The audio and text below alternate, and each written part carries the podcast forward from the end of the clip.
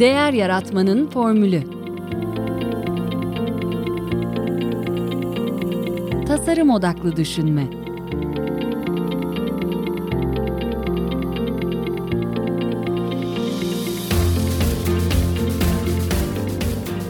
Merhaba, ben Mete Yurtsever. Değer Yaratmanın Formülü podcast'te bugünkü konuğum Heart Mind Design kurucu ortağı Derya Tombuloğlu. Hoş geldiniz Derya Hanım. Hoş bulduk Mete Bey, merhabalar. Derya Hanım, e, ben yine adet olduğu üzere kısaca sizi tanıtayım isterseniz. Boğaziçi Turizm İşletme mezunu, reklam dünyasına stratejik planlamacı olarak katılıyor. Yaklaşık 8 yıl çeşitli büyük network ajanslarına çalıştıktan sonra 2017 yılının sonunda kendi danışmanlık şirketini kuruyor. Sosyal fayda anlamında da çok aktif bir kişi. Bugün de zaten tanışmamızın yani bir yere gelmemizin de sebebi bu oldu. Onu da birazdan aktaracağım. Aynı zamanda Köy Okulları Değişim Ağı'nın e, yönetim kurulu üyesi. Ben Derya Hanım'ı öğretmen ağı hakkında yaptığım araştırmalar esnasında da tanımıştım. Gülnaz Hocam'dan e, ismini duymuştum e, ve kendisiyle tanışmak istemiştim. Bu sohbetimiz öncesinde de bir kısa bir görüşmemiz oldu kendisiyle ve hem e, bu sosyal fayda anlamındaki yaptıkları çalışmalardan hem de profesyonel hayattaki yani danışmanlık tarafındaki çalışmalarından bahsedeceğiz bugün. Öncelikle e, Derya Hanım öğretmen alanına nasıl dahil oldunuz onu merak ediyorum. Öğretmen ağına aslında benim o anlattığınız hikayede bir de arada 2015 ile 2017 arasında ben Danimarkalı bir tasarım firmasıyla çalışıyordum. Kopenhag merkezli.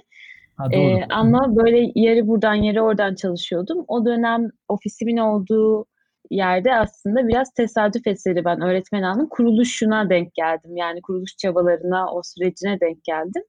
Orada gönüllü olarak aslında onlara stratejiyi kurgulamak adına verdiğim destekte tanışmış oldum. O şekilde içine girdim. Ondan sonra da işte 2016'ydı sanırım. O zamandan bu yana devam eden hem benim hala gönülden e, desteğim olan hem de kurum olarak da e, HMD olarak da birlikte işbirliği yaptığımız bir sürecin içindeyiz 4 senedir. Harika. E, peki ilk önce beklentileri neydi sizden? Yani o dahil olduğunuz aşamadaki rolünüz neydi? Öyle sorayım. Yani o dönemde öğretmen ağının daha ismi bile yoktu. Yani isminin konulduğu, logonun e, yapıldığı dönemi ben biliyorum. Aslında temelleri kuruluyordu. Varlık amacı, e, yöntemleri kararlaştırılıyordu. Paydaşları birbiriyle tanışıyordu. İlk baştaki başlangıç grubu öğretmenleri bir yolculuğun içindeydi. Bu süreci tasarlamak adına, aslında öğretmen ağının temellerini atmak adına.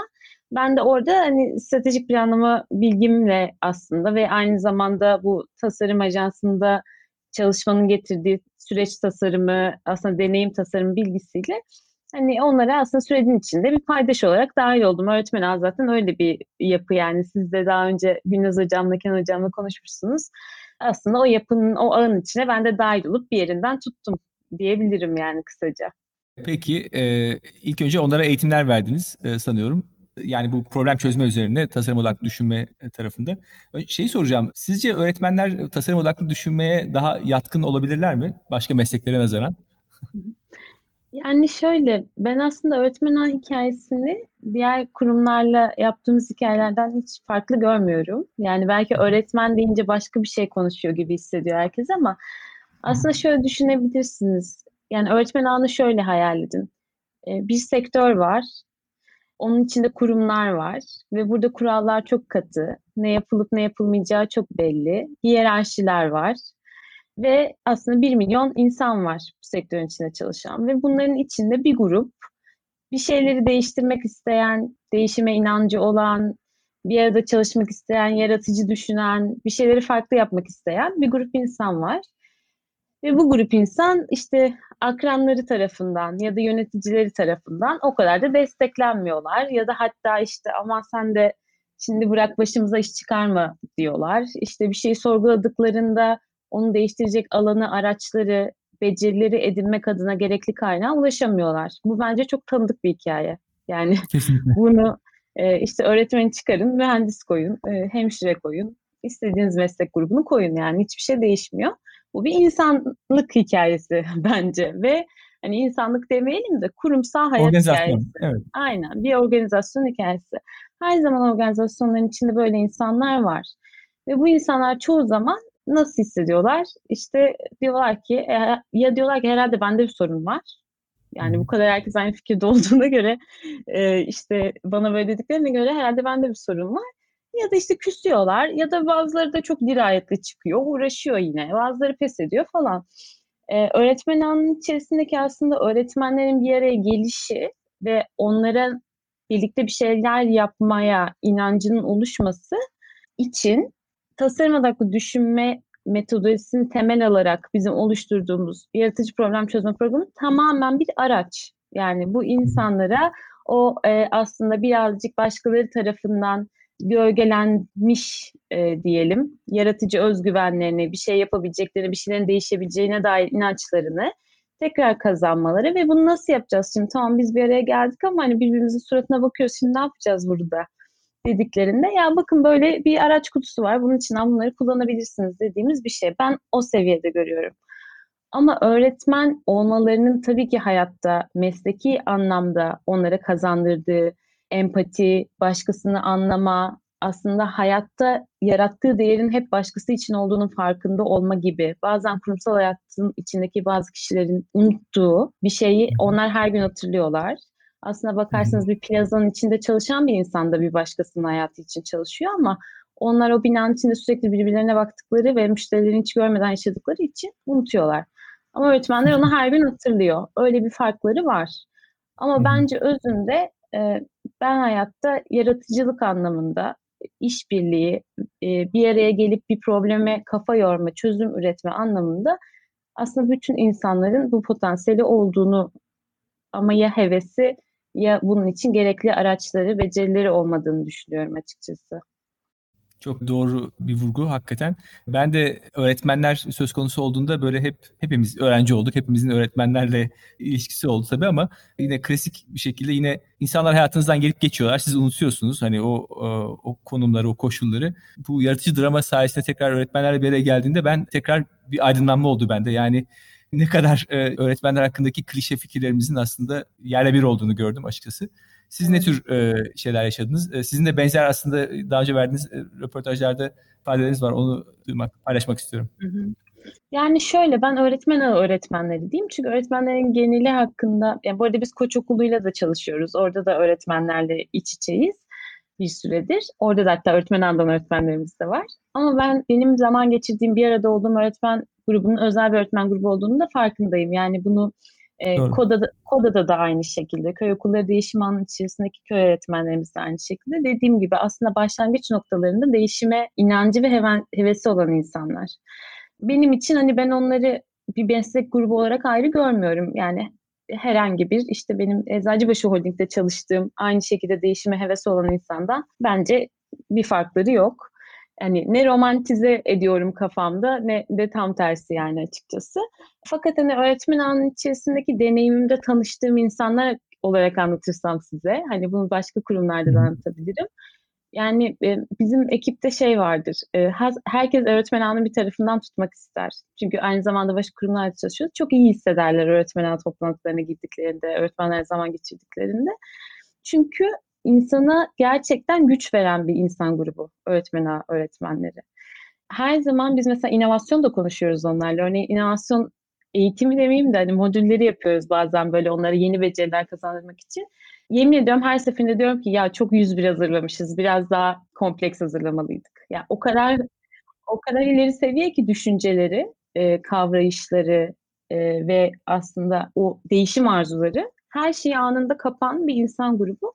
Ve birazcık da aslında başlarda bilmiyorum artık biraz daha gelişti belki özgüven ama başlarda ne yaptıklarını da farkında. Kendilerinin farkında değillerdi belki. Çünkü belki onlara mevcutta bulundukları okulların, sınıfların içerisinde bizim kadar söylemiyordu belki başka insanlar. Hocam siz ne yapıyorsunuz ya ne kadar harika bir fikir. Gelin bunu birlikte yapalım. Ben elimden gelen her şeyi yaparım sizin bunu gerçekleştirmeniz için diye. Belki çevrelerinde bunu söyleyen insanların sayısı da çoğalmış olabilir. Ağın zaten mantığı bu yani. E, hmm. Onları bağladığı kişiler, bir yere getirdiği kişilerle de o güçlenme sağlanıyor. Ama ben böyle çok eski hatırlıyorum daha bizim program başlamadan önce 2016'da falan. Mesela bir öğretmen grubumuz şöyle bir şey yapmıştı o dönem. Bir öğretmenimiz bir azınlık okulunda çalışıyordu. Diğer öğretmenimiz de bir İmam Hatip'te çalışıyordu yanlış hatırlamıyorsam. İşte bir diğer öğretmenimiz bir devlet okulunda falan. Baktığınızda hani böyle ne derler geleneksel bakış açısıyla hemen aa ne kadar enteresan bir karma falan deyip şey yapacağınız e, böyle bir durum. E, o öğretmenlerimiz çocuklarını yani öğrencilerini bir araya getirmişlerdi ve bunu önceden kurgulayarak hiçbirinin okulunda değil ayrı bir ortamda ve hepsine hiçbiriniz isminizi ve okulunuzu paylaşmayacaksınız. Herkes kendine bir hayvan ismi seçsin ya da bir hmm. kahraman ismi seçsin ve bunun üzerinden bütün gün geçireceğiz dedikleri ve böyle oyunlar işte birlikte program çözme etkinlikleri vesaire kurguladıkları bir şey yapmışlardı ve sonunda Herkes kendi kimliğini açıklayıp şimdi ne hissediyorsunuz, birbiriniz hakkında ne düşünüyorsunuz? Sonra o çocukların birbirine yazdıkları mektuplar, kurdukları arkadaşlıklar falan böyle bir hikaye anlatmışlardı. Mesela şimdi onlar için sıradan neredeyse bir şey yani. Ne var yaptık getirdik çocukları vesaire. Ama aslında yaptıkları şeyin altında ne kadar derin bir içgörü olduğu, evet. e, buldukları yaratıcı çözümün detayında ne kadar ince bir tasarım aklı olduğu, ortaya çıkan sonucun aslında o ortamdan öte dünya adına ne kadar yaygınlaşması gereken bir şey olduğunu kavramaları için bazen başkalarından duymaları da gerekiyor. Ben genelde böyle kendi rolümü açıkçası öğretmen an içinde hep şey gördüm. Hani onları gözlemleyen, onların potansiyelini, onların arzularını gözlemleyen ve onların ihtiyacı olduğu anda o araçları karşılarına çıkarabilen, belki işte bazen hocam çok iyi fikir diye destek aldıkları, belki bazen tam tersine benim onlardan destek aldığım bir hani arkadaşlık ve kolaylaştırıcılık rolü olarak görüyorum. Ama genelinde e, hepsine çok hayrandım. İnsan olarak çok hayranım. Öğretmen oldukları için değil yani. İnsan olarak onları tanımış olmaktan dolayı çok mutluyum. Herhangi başka mesleği yapsalardı da çok iyi yapacaklarına eminim. Ama dediğim gibi bence özel bir grup ve yaptığı her şeyi hakkıyla yapan, aynı zamanda da büyük bir ahlakla, etikle ve dikkatle yapan çok özel insanlar yani. Hepsinin ayrı ayrı böyle yeri var kalbimde ki Türkiye'nin birçok yerinden gittim de e, yani birçok şehre de gittim onlarla bu programlar kapsamında. Türkiye'nin birçok yerinden bir sürü arkadaşım olduğu gibi hissediyorum yani onlar sayesinde.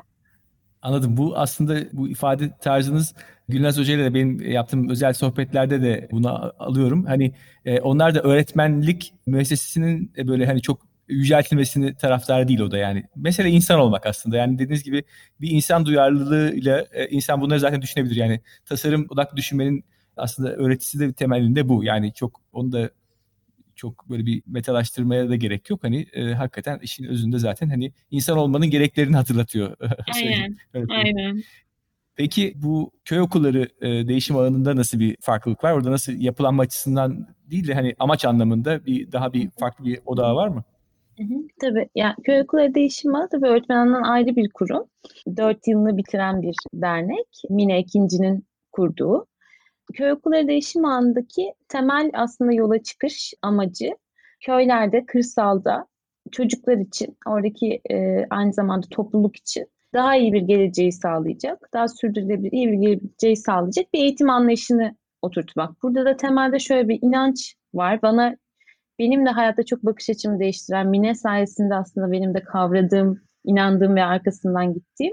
O da yine geleneksel bakışın tersine yani oraya acımak ya da işte onların zor koşullar altında olduğunu ve çaresizlikler içinde olduğunu düşünerek ve keşke şehire gelebilseler diye e, aslında şehirli bir bakış açısıyla yaklaşmak yerine aslında köyün eğitim adına ne kadar çok fırsat sunduğunu, birleştirilmiş sınıfların eğitim adına nasıl fırsatlar sunduğunu, o topluluktaki herkesin tanıdığı bir öğretmenin, çocukların ailelerini, işte evlerini bilen bir öğretmenin, doğanın içerisinde bir okulun, az nüfuslu bir sınıfın aslında e, Finlandiya modeli denilebilecek kadar yenilikçi yöntemlere, yaklaşımlara olanak sağladığını fark etmek ve kırsalda eğitimi desteklemenin o çocuklara e, bot yollamamak olduğunu e, oraya yollanan kitapların, oraya kurulan kütüphanelerin orayı geliştirmeyeceğini kavrayıp orada gerçekten sistemsel bir dönüşüm sağlamak, eğitim anlayışını değiştirmek üzere kurulmuş.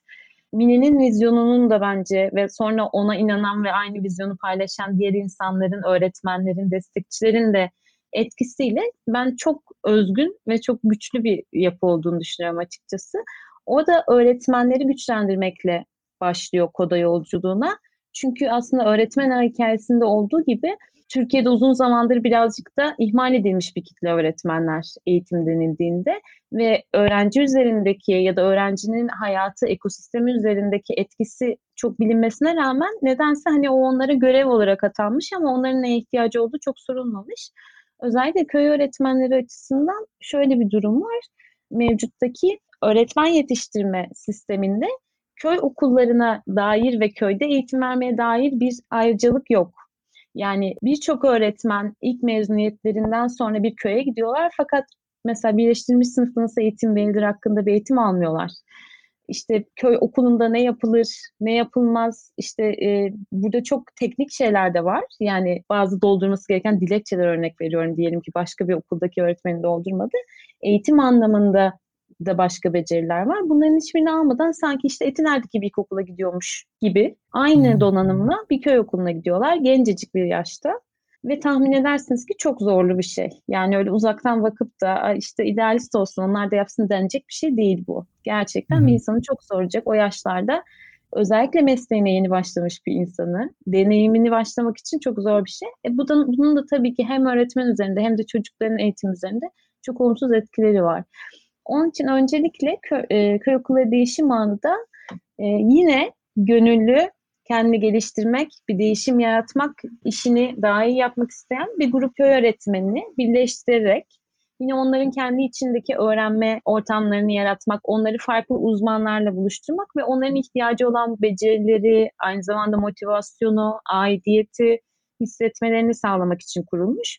Ama öğretmenden başlayarak aslında öğrenci, öğrencinin ileriki aşamalarda planlarımızda var, çevresi, ailesi o topluluğu e, aslında sürdürülebilir bir şekilde kalkındırmayı amaçlıyor.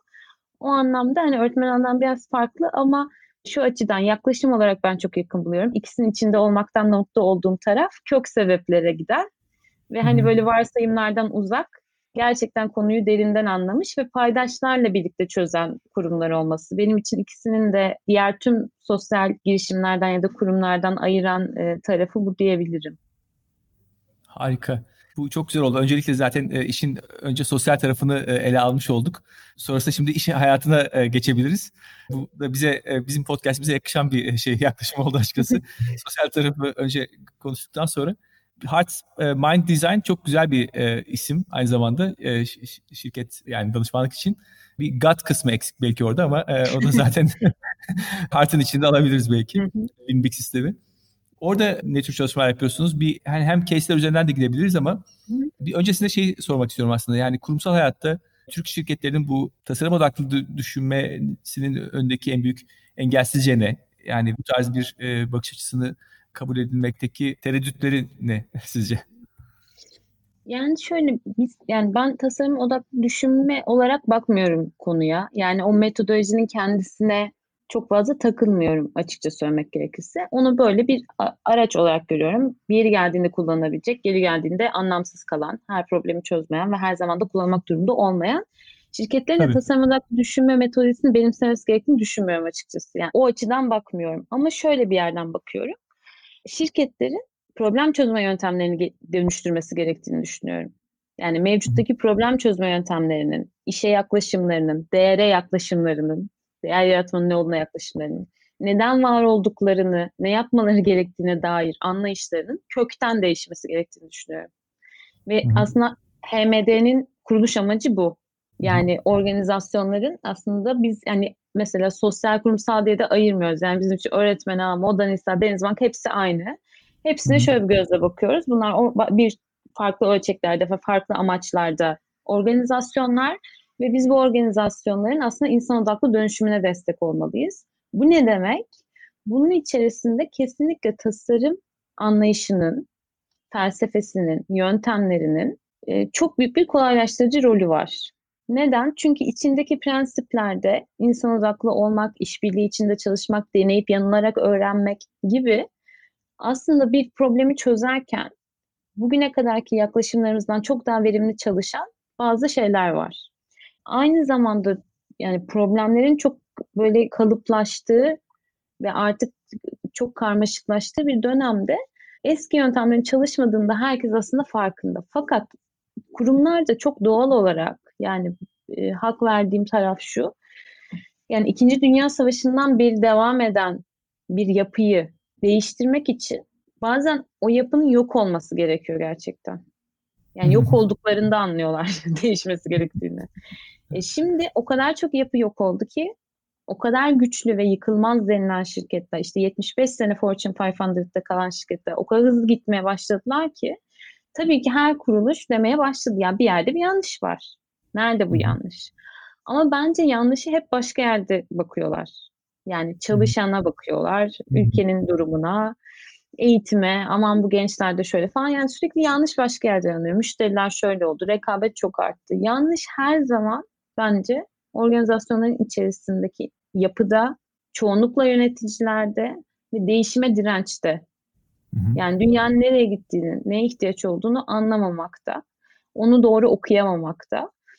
Burada hem o dönüşümü okumak hem de o dönüşüme adapte olabilmek için tasarım anlayışını anlamaları, öncelikle ne demek olduğunu, felsefesinin ne olduğunu anlamaları, sonra da aslında bir problem çözücü olarak bunu nasıl kullanabileceklerini hem kendi bireysel becerilerine hem de mekanizmalarına yedirmeleri gerekiyor. Ama şu neden kurumlar buna adapte olamadı sorunuza cevap olarak bunun bir sebebinin de ben Türkiye'de tasarım odaklı düşünme eğitimleri olduğunu düşünüyorum açıkçası.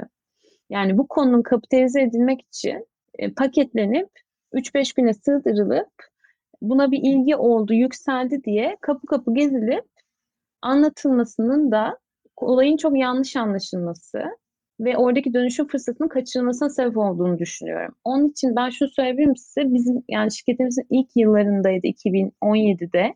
2017 2018'de Türkiye'nin en büyük bankalarından biri bizden çok geniş kapsamlı, çok büyük ölçekli bir şey istedi bu konuda. Benim o zaman bu kadar kafam çalışmıyormuş. Yani anlamamışım o kadar. Ve e, kabul ettik. İlk eğitimi yaptık. Ben iptal ettim sözleşmeyi.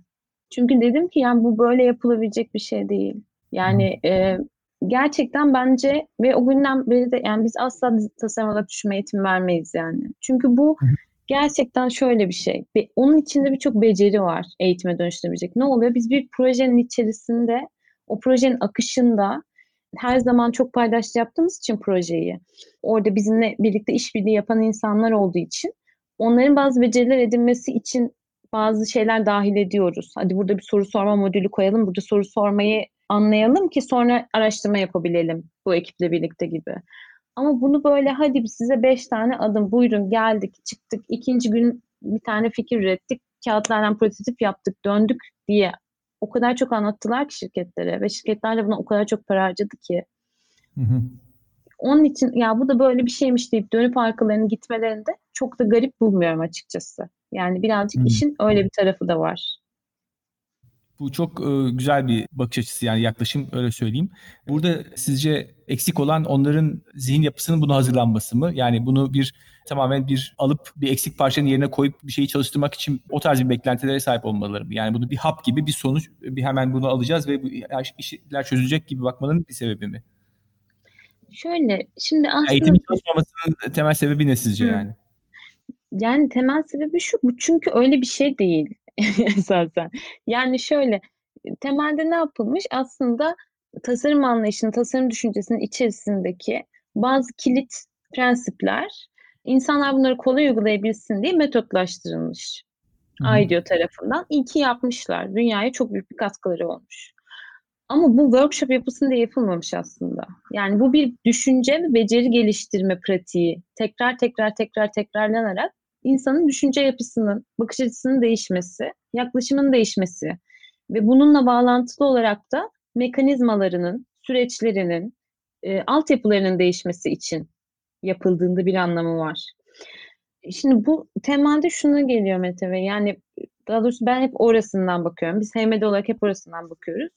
Organizasyonların şu mevcut durumdaki bakış açılarının ve problem çözme yöntemlerinin değişmesi gerekiyor. Bunun daha insan odaklı bir yönde, daha bence akıllıca yani ben şu andaki pazar odaklı, rekabet odaklı ya da Excel dosyası odaklı yöntemi açıkçası akıllıca bulmuyorum. Yani bana akıllıca gelmiyor. Hı hı.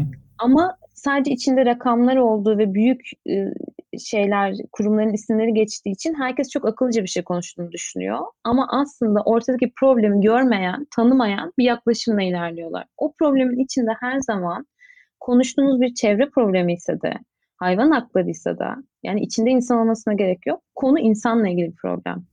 Çünkü hı hı. problemi yaratan insan yani her halükarda. Çevreyi Anladım. de çevre, yani ağaçlar kendi kendine bozmuyor.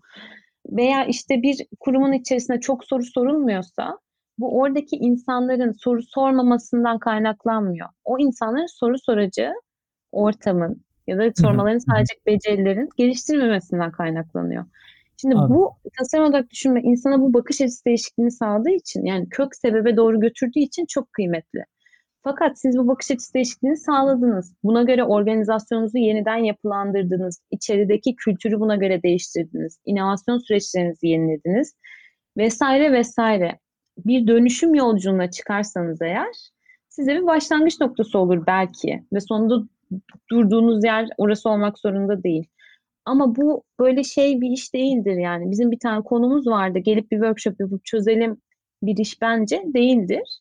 Çünkü hı hı. emek verilmesi gereken e, insanın kendini ve aynı zamanda organizasyondaki bazı çok ciddi kararları etkileyen bir konu. Yani ben açıkçası çok haplaştırılmasının konuyu yok etmesi. Yani o kadar küçüldü ki görünmez oldu gibi geliyor bana şu anda ne olduğu aslında. Yani profesyonel olarak düşünmenin bir alet setine indirgenmesine karşısınız. Yani persona çalışması yaptım, e, müşteri yolculuğu haritası çıkarttım evet. deyip orada bırakılmasına e, karşısınız. Yani tamamen bu iş bir zihniyet dönüşümü gerektiriyor. Aslında evet. tasarım odaklı düşünme dediğimiz şey insan odaklı olmaktan başka bir şey değil bana sorarsanız ama şey de olarak bakıldığı zaman ama böyle bir işte beş aşamalı bir sistem hani böyle bir e, buradan soktuk buradan çıktık gibi bir şey değil. Ona karşısınız ki ben de yüzde yüz katılıyorum size. Okey. Yani, yani evet. o iş o kadar kolay değil yani özetle.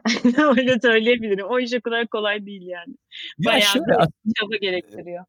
Kesinlikle. Sadece e, şey türü bir aydınlanma olur mu? Yani bir takım şeyleri sürekli yaptıkça e, onun arkasında yatan şeyi de e, mantığı da veya neden onu yaptığınızı da bir şekilde ayılır mısınız bilmiyorum ama yani tabii ki e, ortada böyle tool'ların olması yani oturup Excel'de bir saat uğraşacağına e, bir saat müşteri yolculuğu haritası çıkarsın daha iyi bana sorarsanız. Yani sonuçta o sırf o amaçla bile daha işe yarar bir şey ama kesinlikle katılıyorum. Olay kültürde ve zihniyette bitiyor. Yani o ortamın doğru ortamın yaratılmasında bitiyor. Benim de formülümün aslında bütün anlattığı şey de bu. Peki o zaman birkaç örnek konuşalım mı? Nasıl gelişti? Örneğin Denizbak projesi Sahada insan odaklı inovasyon projesi. Size geldiğinde bu formatta ve bu isimle bu şekilde gelmiyor herhalde. Bu bir şekilde evriliyor. Bunu şey yapıyorsunuz. Nasıl size geldiler? Siz nasıl bir çözüm ürettiniz? Yani şöyle biz çalıştığımız bütün kurumlarla şöyle bir yolculuğumuz var. Hepsiyle hiç şaşmayan bir şekilde.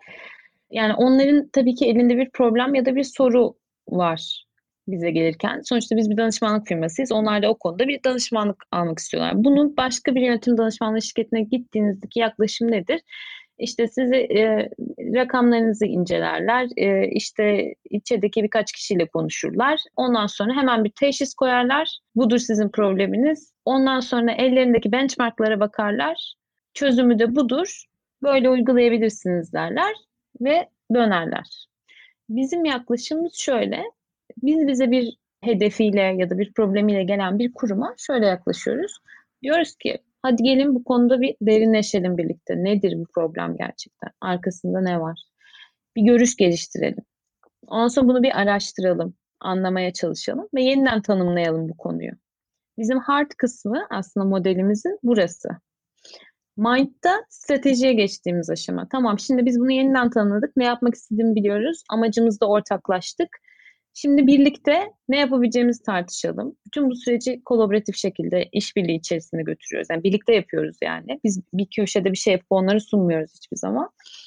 Ondan sonra bazen işte e, çalışma ekipleri kuruyoruz. Bazen e, oradaki küçük bir ekiple çalışıyoruz. Sonra diyoruz tamam o zaman bunun stratejisini kurgulayalım. Biz bu işi nasıl yapacağız? Yani böyle bir değişim yaratmak istiyoruz. Bunun için önemli. Böyle bir hedefimiz var. Peki bunu nasıl yapacağız? Aksiyonlarımızı belirliyoruz. Önceliklendiriyoruz vesaire. Sonra da bunu mutlaka prototipliyoruz. Bakalım ne oluyor? Düşündüğümüz gibi oldu mu? Çalışıyor mu? Ve ondan sonra da onun etki ölçümünü yapıyoruz. E, ve ölçeklenmesi için gerekli stratejiyi çalışıyoruz. Şimdi bu bakış açısından biz bankalarla da çalışıyoruz. İyi ticaret firmalarıyla da. dediğim gibi TÜSEV'le de örneğin Türkiye 3. Sektör Vakfı'yla da. Hepsinde aynı yöntemle. Burada Denizbank'la olan ilk karşılaşmamız bizim 2018'deydi.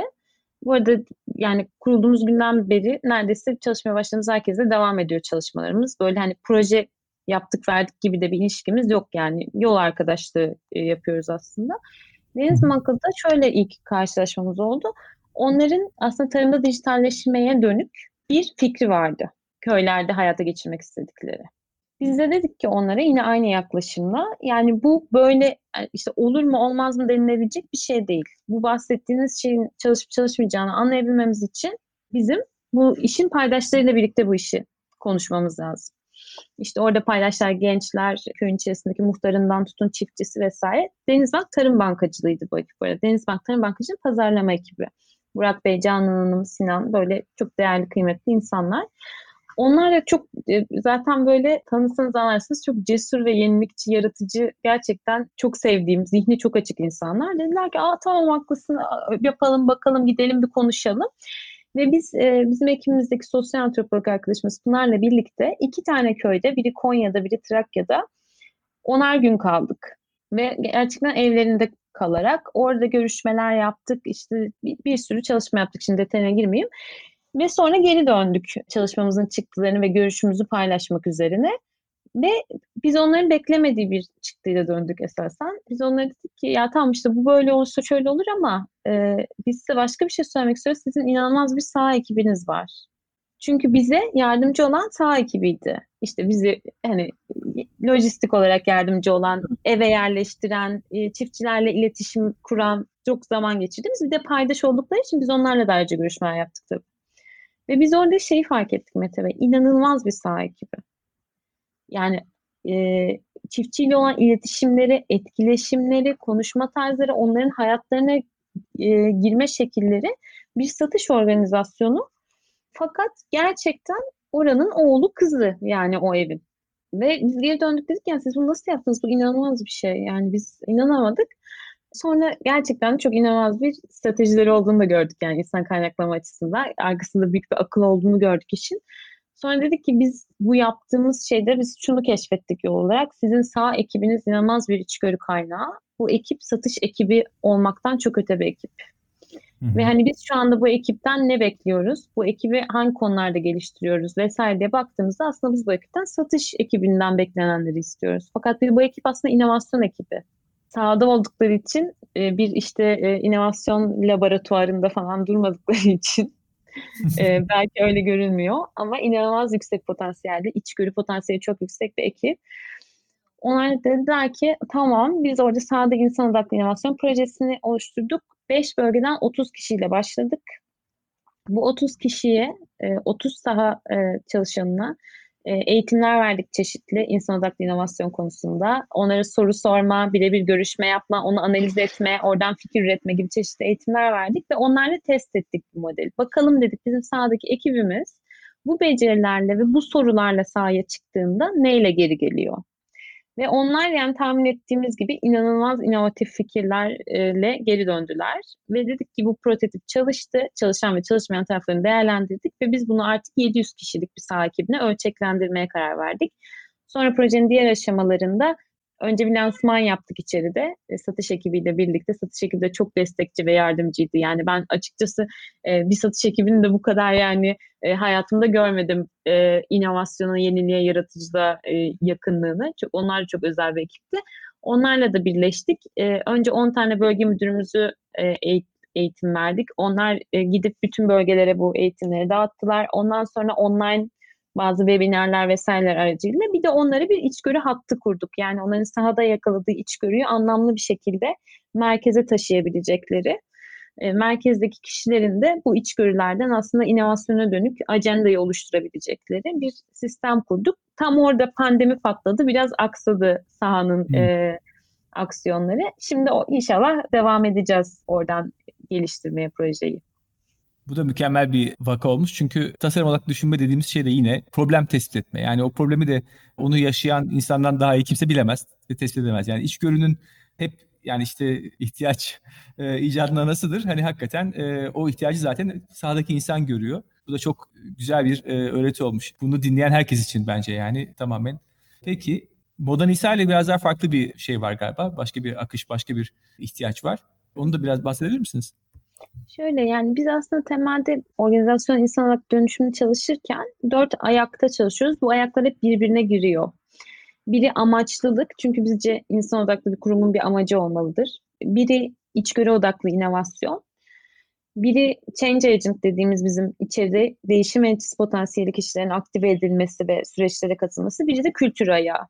Biz aslında neredeyse her projenin içinde hep bunlardan biraz biraz giriyor. Bir de çok uzun süreli ilişkilerimiz olduğu için devam ediyor süreç içinde. Modern İnsan çalışmamız amaçlık çalışmasıydı. Bizim ortak amaç dediğimiz. Aslında kurumun tüm paydaşlar için anlamlı, onun bütün stratejik kararlarını yönlendirecek bir e, ne derler ona? Ortak maksat belirlemek. Şimdi burada modernisa vakasını ben çok böyle ilginç buluyorum. O da bizim 2017'den beri devam eden bir işbirliğimiz. Şöyle başladı hikayemiz. Kerim Bey Moda Nisa'nın kurucularından. Bir yere geldiğimizde aslında bir e-ticaret şirketinin dinamiğini tahmin edebilirsiniz. Yani Hı-hı. ne kadar aslında satış odaklı, büyüme odaklı, agresif yapıları olduğunu. Ee, bir de Moda Nisa'da böyle e, 130 ülkeye aslında ulaşan, çok hızlı büyümüş, çok hızlı genişlemiş. Çünkü bence çok doğru bir ihtiyacı tespit etmiş. Çok özel bir örnek. Kerim Bey'le ancak bir yere geldiğimizde şunun sanırım çalışıp birlikte çalıştığımız herkeste bu bilinç ve farkındalık olduğu da biraz hayatımızı kolaylaştırdı. E, şunun bilincindeydi yani burada bir sonraki bir adım var. O adımı yönlendirecek şey aslında sadece büyüme ve satış stratejisi değil. Burada başka bir hikaye var. Bizim burada yarattığımız değer başka bir şey.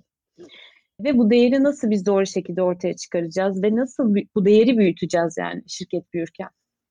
Onun çok farkında biriydi. Ben de ona o zaman o dönemki tanışmamızda amaç odağını, artık kurumların bir ortak amaç üzerinde çalıştığını, çalışması gerektiğini, böyle bir e, yaklaşım olduğunu söyleyince zaten kendisi çok amaçlı bir insan olduğu için anında kaptı. Ki yani düşünün Amerika'daki CEO'lar bile Business Roundtable'da geçen sene imzaladılar yani purpose üzerine statement'ı. Davos bile 2020'de konuştu bunu. 2017'de Kerim Bey altında hemen evet bu bizim ihtiyacımız olan diyebildi. Onun da tamamen kuruluş hikayesinde zaten amaçlı bir şirket olmasından kaynaklandığını düşünüyorum. Biz aslında şöyle yaptık. İlk başlangıçta uzun süren bir çalışma yaptık. Buradaki amacımız birçok paydaşla görüşüp bunların içinde sosyologlar, psikologlar, müşteriler, fenomenler, e, kurumun çalışanları vesaire aklınıza gelebilecek bir sürü paydaşla derinlemesine görüşmeler yapıp şeyi aradık. Burada Modern İnsan markasının aslında hedeflediği kitlede karşıladığı ihtiyaç ne? Hangi içgörüye karşılık veriyor? Ve biz amaç çalışmalarımızda öz ve rol olarak ayırırız. Yani önce özdeki hani böyle en dipteki onu bugüne getiren şeyi bulup sonra da gelecekte nereye gitmek istediğini anlayıp o özü nasıl geleceğe taşıyacağımızı bulmaya çalışırız. O özü yakaladıktan sonra geleceği konuşmaya başladık. Yani bu kadının geleceğinde ne var, nereye gitmek istiyor, neyi başarmak istiyor ve modernistler bu gelecekteki aslında yolculukta neyi hangi değeri yaratarak ve büyüterek devam edecek diye. Oradan bir amaç cümlesi çıkardık ama böyle hani kısa anlatıyorum bunu ama böyle 8-9 aylık bir süreçte bunların içinde atölyeler, çalışmalar bir sürü derinleştiğimiz süreçte. Sonra da tabii ki onu bulmakla hiçbir şey olmuyor hayatta. Hatta onu koyduğunuz anda ortaya büyük bir huzursuzluk oluşuyor ki doğal bir şey. Çünkü o zaman yapmadıklarınızı görmeye başlıyorsunuz. İşte ona purpose action gap de diyorlar. Yani aradaki mesafe çok göze görünmeye başlıyor. Ondan sonra da kurumun içindeki tüm paydaşlarla departman departman yuvarlak masa toplantılarıyla e, yeni gelenlere ayrı, liderlere ayrı tek tek bu purpose ne, neden kıymetli, nereden çıktığı arkasındaki içgörü ne ve sen insan olarak ya da siz departman olarak Buna ne şekilde katkıda bulunursunuz? Finans departmanı purpose'ınız katkıda bulunuyor. Ürün departmanınız katkıda bulunuyor. Bunları tartışıp benimsemeyi ve kavramayı aslında ilerlettiğimiz bir dönem oldu. Ondan sonrasında da artık bununla ilgili gerçekten gözle görünür aksiyonları hayata geçirmeye başladık. Yani bu aradaki mesafeyi kapamaya yönelik. Bu sene içerisinde böyle üç tane bir projemiz oldu onlarla hala devam eden. Hem bu purpose'a hizmet edip hem de kurumun geleceğini aslında şekillendireceğini düşündüğümüz ama orada e, diyebilirim ki Modern Insight içerisindeki neredeyse bütün departmanlarla ilişki içinde bazılarıyla daha yoğun çalışarak o kurumun o amaç odaklı e, yolculuğunu, adımlarını birlikte şekillendirmeye çalışıyoruz. Harika. Her şirketin ihtiyacı olan şey yani her çalışan ben bu işi niye yapıyorum sorusunu zaten kendisine soruyor. Şirketin zaten soruyor olması lazım bunu.